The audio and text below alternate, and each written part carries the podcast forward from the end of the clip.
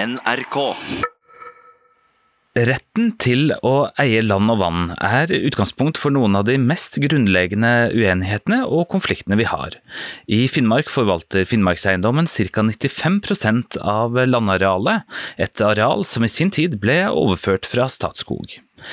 Men kan det hende at dette enorme området aldri har tilhørt staten? I dag har jeg med en gjest som mener å ha gjort et funn som utfordrer hele grunnlaget for hvem som har eid, og dermed eier dette arealet. Øyvind Ravna, velkommen til Tett på. Ja, takk. Du er oppvokst i Tana, og så har du blitt jordskiftekandidat fra Ås, og flere år etterpå ble du professor i rettsvitenskap ved Universitetet i Tromsø, der du underviser i samerett og reindriftsrett. Og så er du kjent som en aktiv stemme i offentligheten, og nå har du akkurat publisert en artikkel i Tidsskrift for rettsvitenskap. Hva er ditt hovedfunn der? Ja, Oppfatningen frem til i dag er jo at den tidligere usolgte grunnen i Finnmark eh, har alene vært statens eiendom på 1700- og 1800-tallet, og eh, egentlig helt frem til eh, Finnmarkseiendommen overtok den. Realitetene er imidlertid at det neppe har vært statens eller kongens eiendom i Finnmark, i alle fall ikke på 1700-tallet men at eh, jorda langs eh, fjordene og elvedalen i Finnmark lå i et jordsameie som var eid av folkene som eh, holdt til der. Du hevder at det ikke var kongen eller staten som eide grunnen i Finnmark? Ja, det mener jeg med jeg si, ganske tydelig å kunne dokumentere. Da har jeg gått inn i forarbeidene til denne jordutvisningsresolusjonen Eh, som jo feilaktig kalles for jordutvisningsresolusjon. Det er jo en jorddelingsresolusjon det er snakk om. Hva, er forskjellen mellom de to? Ja, Jordutvisning, da får man jo et inntrykk av at eh, man skal eh, utvise statens jord til private, mens jorddeling, da går det ut på at man har et felleseie som man da skal dele mellom de som er eiere. Mm, riktig. Hvis man tenker litt etter, så er det jo eh, merkelig at man har på en måte levd med en historie at eh, folkene som har bodd i Finnmark, som har bodd langs fjorden og elvedalene, som har drevet sitt enkle jordbruk, som har drevet eh, handel, fiskeri, reindrift, hatt sine boplasser, hatt sine jorder, ikke skal ha eid noe som helst av det her før i 1775. Det henger liksom ikke helt på greip. Men det er likevel blitt en, en, en, eh, historie som er fortalt så mange ganger at eh, i alle fall innenfor fagmiljøene så har man tatt det her eh, nærmest for en gitt sannhet. Mm. Hvilke konsekvenser har det gitt hvis det kommer saker opp i, i domstolen f.eks.? Ja, vi har jo sett at de sakene som har vært f.eks. For, for Utmarksdomstolen for Finnmark, og også saker som har vært brakt inn for Høyesterett, der har man lagt stor vekt på statens tidligere eiendomsrett og statens disposisjoner. Og eh, Finnmarkseiendommen, som jo er etterfølgeren til staten som eier, de har jo da påberopt seg statens eh, eiendomsrett og disposisjoner som grunnlag for den retten de har i dag. Og det har jo gjort at det har vært eh, vanskelig for bygdefolk i Finnmark å vinne fram med rettskrav. Mener du at dommer som er avsagt er basert på feil grunnlag? Nå er det jo slik at eh, domstolene tar stilling til eh, jussen i saken, mens de får seg forelagt et eh, faktum som de da skal eh, basere sine juridiske slutninger på. Og eh, jeg tenker jo at, eh, at, det er gode grunner til å sette spørsmålstegn ved det faktumet som er lagt til grunn i, i en del saker. Hvordan har du jobba for å komme fram til det du har kommet fram til nå? Hvordan starta arbeidet ditt? Ja, det her er jo en lang historie, og det er jo et resultat av en genuin undring over at det har vært så forskjellig i Finnmark sammenlignet med resten av landet. For allerede som eh, ung student på eh, Landbrukshøgskolen på Ås for eh, omkring 35 år siden, da hadde vi et fag som het eiendomshistorie. Og Der lærte vi at forholdene i Finnmark de var så annerledes fra resten av landet at det var på en måte ikke noe vits å gå i, i dybden på dem. I alle fall ikke når man skulle utdanne seg til å bli jordskiftedommer.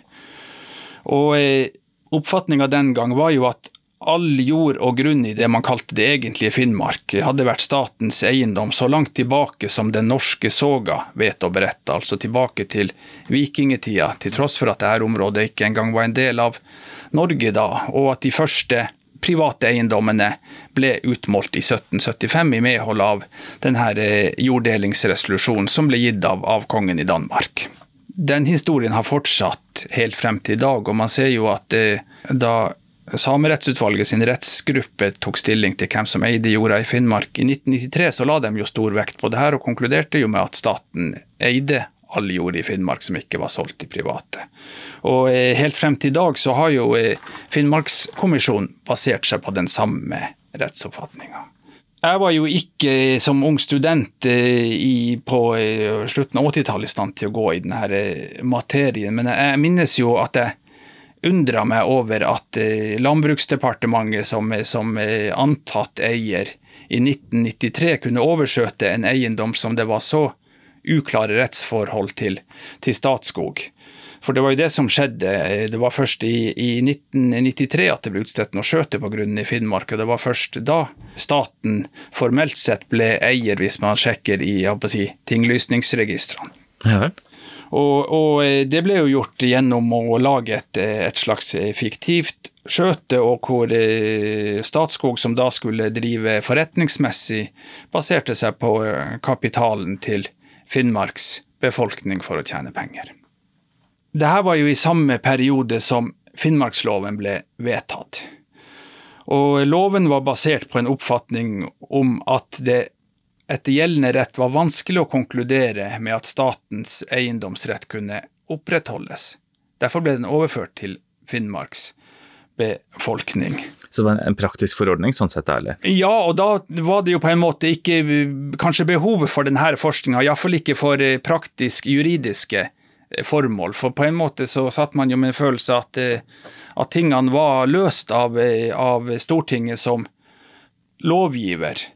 Særlig når det ble uttalt at hovedmålet med, med, loven var å avløse usikkerhet og striden om retten til land og vann i Finnmark med trygghet og forutsigbarhet når det gjelder naturgrunnlaget for samisk kultur, for innbyggernes bruk av utmark og for en positiv næringsutvikling. Og det her skulle da skje med en ny grunnforvaltning der finnmarkingene selv fikk eierrådigheten, og staten Eh, da trakk seg ut. Noe som skulle innebære et betydelig historisk skifte over til lokal styring. Og en da, som det blir sagt, en klar tillitserklæring til alle finnmarkinger, uansett etnisk og kulturell bakgrunn. Mm. Man oppfatta jo da at uh, mye var løst, men uh, slik skulle det jo ikke gå. Man så jo ganske tidlig at uh, Finnmarkseiendommen, det nye forvaltningsorganet, tok med seg mye gammelt gods fra Statskog. Og eh, Statskog hadde jo i sin, i fall sin siste periode etter at de ble til Statskog SF og skulle drive økonomisk, vært innblanda i en god del tvister om eiendomsgrenser og eiendomsrett med lokalbefolkninga. Og Fefo tok jo med seg mye av det her. Det her slo jo spesielt ut i den samiske kommunen Nesseby, og jeg begynte jo på en måte å undre meg mer over de her tingene da. Og, og eh, når eh, Nesseby bygdelag, jeg tror det var en gang i 2014 eh, eller 2015, bestemte seg for å bringe det her spørsmålet inn for utmarksdomstolen, så ble jeg forespurt om å bistå. Og da hadde jeg jo på en måte også en grunn til å, å, å gå inn i det her igjen.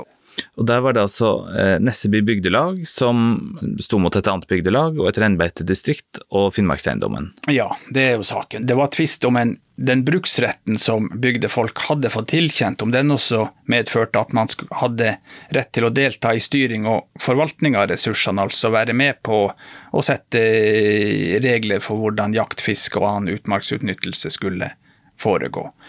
Og da blir jo igjen det aktualiserte her med statens tidligere disposisjoner, eh, og da særlig disposisjoner som man kan kalle for eierdisposisjoner, altså disposisjoner staten har gjort som grunneier.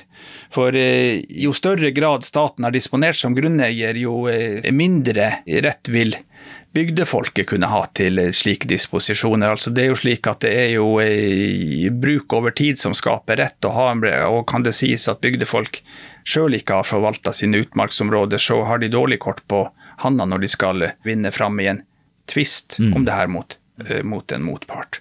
Hva ble utfallet av, av den tvisten? Ja, For Utmarksdomstolen så ble jo utfallet at eh, Nesseby bygdelag vant frem. Eh, Utmarksdomstolen kom til at de hadde rett til å forvalte sine eh, utmarksområder. Mm. Finnmarkseiendommen de anka jo denne saken, og eh, saken var jo såpass prinsipiell at eh, Høyesterett fant at den skulle settes i plenum, som jo er den tyngste måten Høyesterett kan avgjøre et rettsspørsmål på i Norge. Nettopp. Hva kom Høyesterett fram til? Ja, Høyesterett kom til at det var Fefo som hadde styrings- og forvaltningsretten til det omtvista området i Nesseby. De tok da utgangspunkt i at det opprinnelig var statlig grunn som, ja. som ble delt ut? Ja, og det her ble jo da vektlagt av Høyesterett. Så så, som uh, rettsviter og som jobber med juss, så slo jeg jo meg til ro i første omgang med resultatet i Høyesterett. Samtidig så eh, var det jo ikke eh, si, De kan ikke dømme i de historiske kjensgjerningene. Nasjonalbiblioteket har jo eh, skanna en god del bøker fra 1700-1800-tallet som er lett tilgjengelig i dag. Slik at jeg har, jeg har, brukt en god del av dem senere, og der ser man jo med tydelighet at det er en samstemt oppfatning om at denne resolusjonen ble benyttet i Vest-Finnmark, men ikke i Øst-Finnmark. Ok, og Nesseby ligger i Øst-Finnmark. Betyr det at du mener at Høyesterett tok en beslutning med et feil faktamessig utgangspunkt? Ja, jeg mener jo at det var feil i det faktumet. Det, det, altså, Nå skal man jo være veldig forsiktig med å kritisere Høyesterett. Det er jo slik at Høyesterett dømmer jo i siste instans. Mm. Eh, samtidig er det jo slik at Høyesterett dømmer i siste instans i juridiske spørsmål, men eh, eh, de er ikke siste instans til å ta stilling til eh, historiske faktum. Og der mener jeg at Høyesterett har tatt feil. Og jeg er jo ikke alene om å mene det. Og så er det historikere på andre sida som, som jeg mener det motsatte, at Høyesterett har fatta en, en, rett beslutning. Ja, det, det er det jo. Og det, den utredninga her ble jo utarbeida av Einar Niemi som jo er en, en svært anerkjent eh, historiker og, eh, og har jobba mye med, med eiendomsforhold og, og annet i, i Finnmark. Mm. Sånn at det, det er jo delte oppfatninger her. Her har jeg lyst til å trekke inn eh, Einar Niemi. Du er professor i historie og har publisert en rekke artikler og bøker, og så har du blitt brukt som sakkyndig i Høyesterett, bl.a. da den eh, såkalte Nesseby-saken ble behandlet. Hvordan vurderer du eh, funnet til Øyvind Ravna? Ja, jeg har jo lest med stor interesse Ravna sitt uh, siste arbeid. Uh, fra 1970-tallet og utover så har det vært reist tvil om kongen, om den formelle eiendomsrett til grunn i Finnmark, om det virkelig var kongens.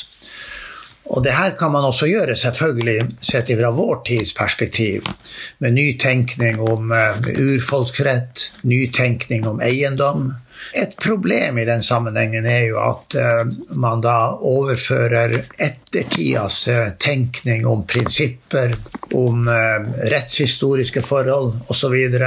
At man overfører det til samtida. Og det er faglig ganske problematisk. Samtida hadde sine egne premisser, sin egen moralske standard osv. Og det som er mitt poeng her nå, det er ikke å konstatere at kongen eide grunnen i Finnmark. Men mitt poeng er at på basis av den dokumentasjonen jeg har, og som mange andre historikere og rettshistorikere har kommet fram til, det er at det var en utbredt oppfatning om at kongen eide grunnen i Finnmark.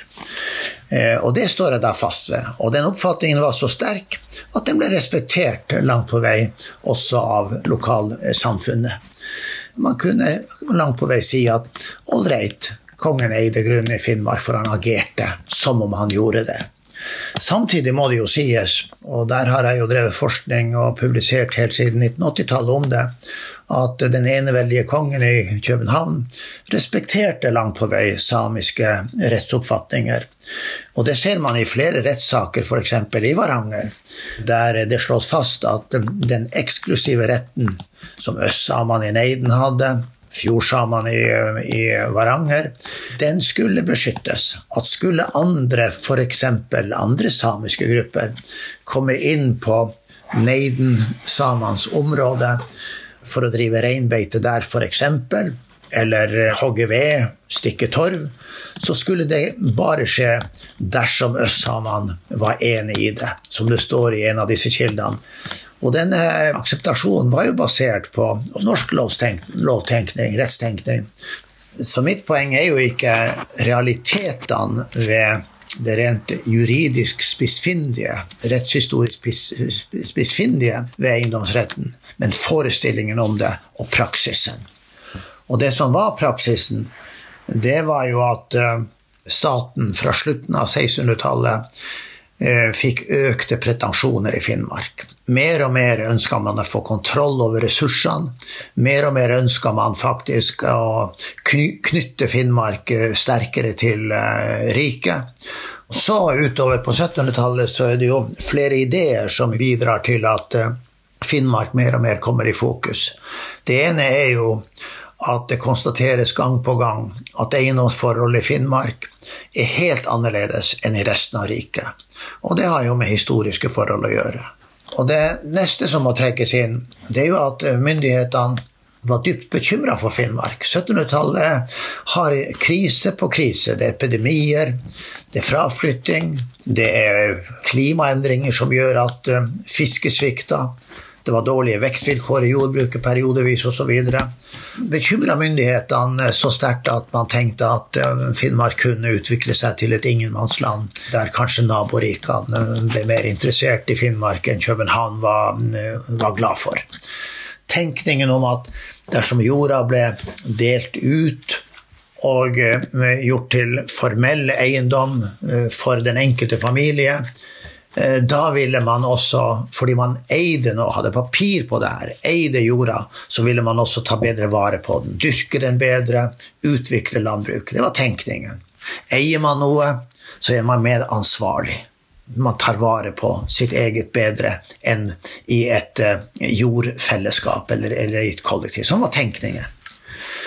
Og så endelig vil jeg trekke inn at um, dette er jo også helstatstenkningens tid tenkningen om at eh, eh, Danmark eh, var en helstat. Det store riket, Danmark og Norge, Grønland, Island, Færøyene osv.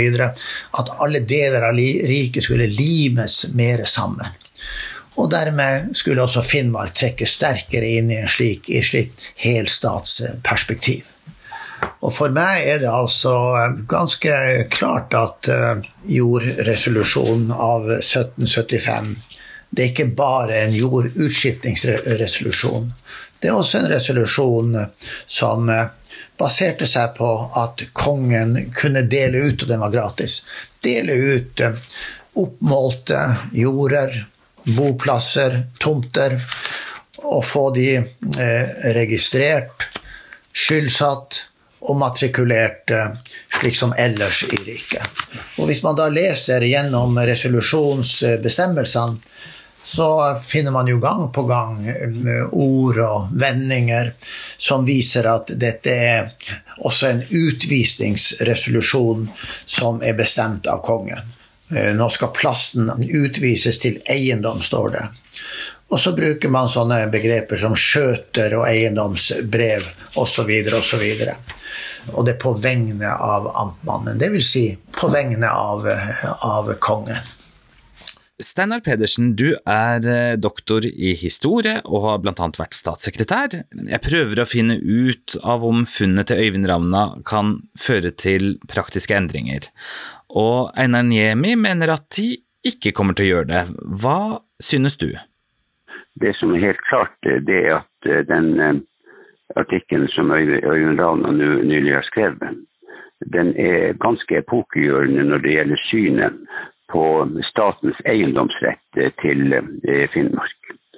Og jeg syns også at eh, professor Ravna på en meget eh, tydelig og klar måte og med, gode kildebelegg viser at oppfatningen om at staten eide Finnmark i 1775, at den er feil. Og indre delen av Finnmark, som jo er en betydelig del av Finnmark, ble jo ikke en del av Norge før i 1751. Og det er altså 24 år før 1775. Og den siste delen av Finnmark ble jo ikke en del av Norge før i, i 1826. Og det var Sør-Varanger. Og hvordan man ut ifra de her årstallene da kan si at staten eide Finnmark i 1775, det er jo ganske umulig. Så du er enig med Ravna om at, staten, om at kongen faktisk ikke eide store deler av Finnmark i 1775? Ja, jeg er helt enig med, med professor Ravna der. For eh, jeg har så langt ikke sett noen eh, overbevisende fremstilling, historisk fremstilling av at kongen kunne eh, eie noe han en gang, ikke engang hadde eh, jurisdiksjon over. Og så sier Einar Niemi at ok, kanskje han ikke eide Finnmark, men forståelsen på den tida var at det var kongens grunn eller statens grunn da. Hva tenker du der? Vår oppgave som historikere er jo å finne ut av eh, hva som eh, var den faktiske situasjonen på et gitt tidspunkt. Og I dette tilfellet dreier det seg om 1775. Eh, Og Ravne har helt rett i det han skriver. Kongen eide ikke Finnmark i, på, på, på, den tid. Også i 1775 så var altså Indre Finnmark blitt en del av Norge 24 år tidligere den utvidelsen av Norges territorium har jeg jobba en, en, god del med. og i de dokumentene som foreligger for 1775 eh, og utvidelsen av Norges territorium der, så finnes det ikke ett nedslag av at eh, kongen i eh, Sverige overdro noen som helst form for eiendomsrett til kongen av Danmark og kongen i København. Det dreide seg kun om jurisdiksjon. Kan dette få noen praktiske konsekvenser? Eh, de praktiske konsekvensene dem, dem, bør jo eventuelt komme til uttrykk i den rettskartlegginga som eh, man holder på med for Finnmarks vedkommende. Men eh, mitt ønske er, iallfall at eh, Finnmarkskommisjonen eh, og domstolene legger eh, veldig stor vekt på de funnene som Øyvind Ravna her har gjort. Men det beklagelige er jo at Høyesterett i eh, dommen om eh, retten til jord og ressurser i Nesseby for eh, to-tre år siden slo fast at staten eide Finnmark i 1775, og at i prinsippet så var det staten som da delte ut jord til innbyggerne i Finnmark. Og det er fundamentalt feil. Det har ingenting med virkelighet å gjøre. Men det som jeg ikke skjønner, Altså Hvis jeg hadde vært konge, eller eh, den som forvalter kongens eiendom, fantes det ikke noe sånn Dette er kongens grunn, et kart, en samla oversikt? Det fantes nok ikke noe samla oversikt, men eh, etter det jeg kan se fra eh, altså Det var jo kongen som skrev under denne resolusjonen i 1775, og der går det jo tydelig frem at det er snakk om, om jorddeling og, og ikke utdeling av kongens jord. Slik at eh, kongen eller rentekammeret, rentekammeret var jo på en måte kongens regjering, de har nok ikke sett det slik at de eide noe jord i Finnmark den gangen. Det sikreste tegnet på det her, det er jo nettopp at eh, den jorddelinga var jo gratis. Man tok ikke betalt for den. Og man trenger ikke gå lenger enn til eh, Troms, som jo også den gang var en del av Finnmark fylke. Og der solgte jo kongen allmenningen til Johan Witt. Og der tok han seg klekkelig betalt for allmenningen, fordi at der mente han at han eide den. Mm. Og etter det så ble det som var Nordlands amt, som da strakk seg opp til den eh, gamle grensa for Finnmark fylke, den ble da senere overdratt til forskjellige grever og baroner rundt om i Europa, og ble på den måten privatisert, og er i dag, paradoksalt nok, i privateie, mens eh, det som ikke var kongen sitt eh, oppe i, Finn, i Finnmark, da ble statens eie, og senere Fefo sitt eie. Hva mener du burde bli konsekvensene av det du, har, det du nå har funnet ut?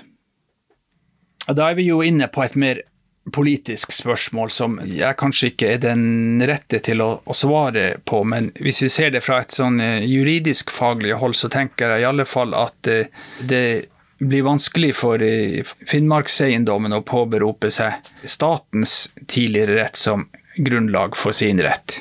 Og det gjør jo at man i, i, altså i mye større grad må ta inn over seg finnmarksbefolkninga sine rettigheter. For eh, rettsgrunnlaget til Finnmarks eiendommen. Det er ikke statens tidligere rett, men det er den retten som folk i Finnmark har opparbeida gjennom alderstidsbruk. Vi kommer til å få nye saker i rettssystemet. Mener du at det her burde endre grunnlaget som jordskiftedommere og som andre eh, rettsinstanser fatter sine beslutninger på? Ja, jeg mener i alle fall at man vanskelig kan eh, fatte beslutninger basert på at Eh, staten tidligere har eh, eid grunnen i Finnmark. Og det er jo i en god del eh, saker det som er realiteten. Man ser jo bl.a. fra høyesterettssaken i Nesseby at det uttales at statens disposisjoner skal tillegges vekt på vanlig måte.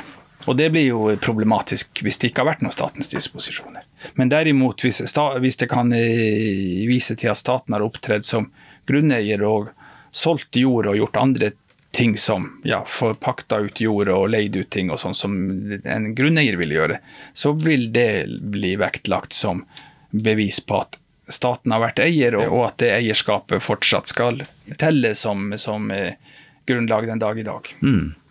Og, og der, der, tenker jeg at det, eh, det kan man ikke fortsette å gjøre hvis man legger til grunn den realiteten som avdekkes i det her forskningsarbeidet. Men er det noen tilfeller hvor, hvor, det er noen som har kjøpt jord, hvor de reelt sett ikke eier den jorda de har kjøpt? Får det noen sånne konsekvenser? Teoretisk sett så kan du jo tenke deg det. Altså Teoretisk sett så kan man jo eh, tenke at all jord som er solgt etter 1863 Hvem solgte da? Da solgte staten, og da tok man jo betalt for noe som man eh, ganske sikkert ikke eide det som skjedde med, med bakgrunn i denne 1863-lova, det krever kanskje mer forskning, men hvis man eh, ser det med dagens blikk, så må man jo si at det kanskje ligger en, en slags 1800-tallets Nav-skandale til grunn for det som skjedde da. Men så innleda du samtidig med å si at det var teoretisk, da? Ja, altså nå kunne man jo tenke seg, hvis Finnmarkseiendommen eh, si, representerte Finnmarks befolkning, så eh, er det jo de i dag som skulle hatt de her inntektene. Og nå har jo Finnmarkseiendommen eh, eh, like fullt overtatt staten sine posisjoner, så sånn sett så burde det jo ikke gjøre noe stor forskjell, så sant ikke det kunne være andre, altså bygdelag, eller han som mente at det var deres eiendomsrett. La oss si sånn som eh, situasjonen som kommer opp i Karasjok nå, hvor det er Karasjok-befolkningen som eier grunnen, så eh, kan man jo iallfall teoretisk se for seg at de, at de etter hvert kan hevde at staten har solgt unna ting som, som staten ikke hadde adgang til å selge. Det blir, eh, det blir, spennende å se hvordan artikkelen blir mottatt, og hvilke praktiske konsekvenser den får. Øyvind Ramna, tusen takk for at du var med i Tett på. Hyggelig å være med. Du møtte også Einar Niemi og Steinar Pedersen. Tett på tar nå en eh, sommerferie, men er tilbake igjen i høst. Eh, jeg heter Svein Lian. Tett på fra NRK Sápmi er produsert av 1 til 1 Media.